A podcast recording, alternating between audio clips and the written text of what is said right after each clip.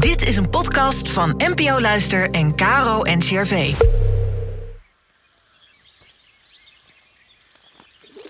Welkom bij de Kloostercast. De podcast met antwoorden op alledaagse levensvragen vanuit de kloostertraditie. Inspiratie voor je dag.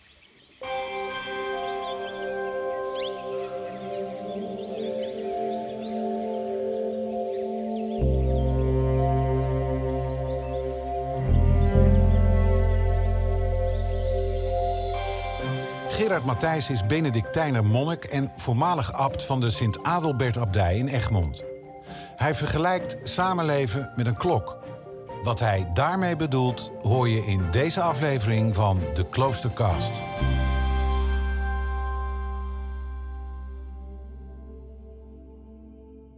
Een gemeenschap is meer dan een losse groep mensen.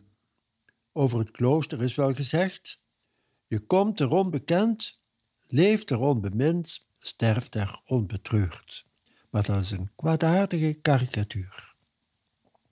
Benedictus wil dat zijn monniken, en uiteraard ook zijn zusters, een echte gemeenschap vormen, waar ieder zich, en dan citeer ik de regel, met de vurigste liefde toelegt en respect voor elkaar. De zwakheden van anderen, lichamelijke en morele, met het grootste geduld verdraagt en niet uit is op wat voordelig is voor zichzelf, maar zoekt wat goed is voor de ander. Zo staat dat in de regel. In de eetzaal van een verzorgingshuis waar ik wel eens op bezoek was, staat een grote klok, waarschijnlijk afkomstig uit een afgebroken kerktoren. Een enorm raderwerk van kleine en grote wielen en andere onderdelen loopt geolied en functioneert nog prima. Ieder uur, en ik meen zelfs elk kwartier, begint naast het gewone getik van alles te ratelen. En dan volgen één of meer slagen. Die klok is de attractie voor kinderen die hun grootouders komen bezoeken. En zij is luid genoeg voor de slechthorende bejaarden om hen een thuisgevoel te geven. Die klok functioneert niet om de exacte tijd aan te geven. Daarvoor heeft iedereen een horloge of een telefoontje maar om bij te dragen aan de sfeer van de ruimte. Ze verbindt met het verleden en sterkt het vertrouwen dat het leven doorgaat, dat er toekomst is. Er is niet enkel verval van krachten, er is continuïteit. Ze is ook een aanschouwelijk voorbeeld van hoe in het leven alles met alles samenhangt. Sommige onderdelen zijn voortdurend in beweging, andere hebben maar een functie op een heel bepaald moment. Maar ook hun werking is essentieel.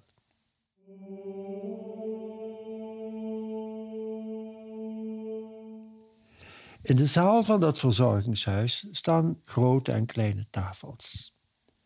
Aan één tafel zit een groot gezelschap van mensen die veel met elkaar willen uitwisselen.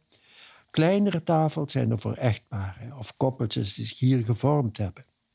Of voor wie bij de maaltijd hulp nodig heeft van iemand van de verzorging.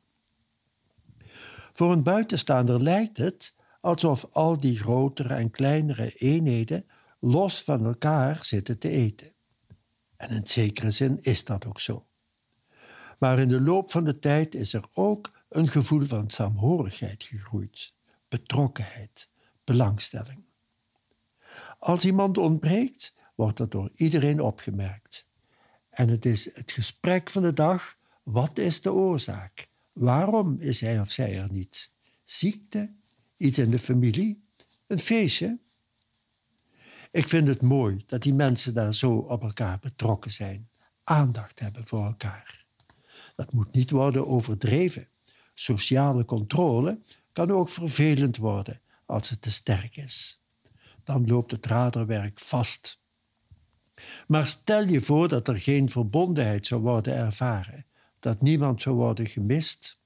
Dat zou zeer ten koste gaan van de kwaliteit van het leven. De goede gang van zaken, de sfeer, de leefbaarheid in het huis hangt af van de juiste afstemming, de harmonie tussen de delen, het accepteren van ieders eigenheid. Dat zorgt voor de gezelligheid waarop wij Nederlanders patent lijken te hebben. Onze regel voor monniken van Benedictus benadrukt de waarde van de onderlinge saamhorigheid. Goede aandacht voor ieders individualiteit, bijzondere attentie voor vreemdelingen en gasten, attente liefde voor zieken, bejaarden en eventuele kinderen. Mensen zijn gegeven aan elkaar, afhankelijk van elkaar. Wat zou het fijn zijn als in iedere vorm van samenleven, in woon- of werkverband, begrip en aandacht zou zijn voor deze onderlinge band die kwaliteit geeft aan het leven. Laat ons daarvoor samen bidden. Eeuwige, die ons alle het leven geeft en aan elkaar toevertrouwt, geef dat wij groeien in zorg voor elkaar. Dat we oog hebben voor wie we ontmoeten, hart voor wie ons nodig hebben. Dan pas zijn wij mensen zoals Gij ons hebt bedoeld om te zijn, een gelukkige gemeenschap waarin wij elkaar dragen en behoeden en samen dankbaar zijn voor het leven dat ons is gegeven en toevertrouwd. Amen.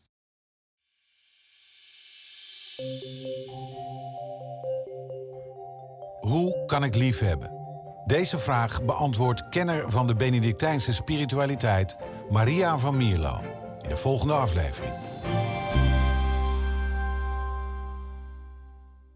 Dit was een podcast van NPO Radio 5 en KRO NCRV.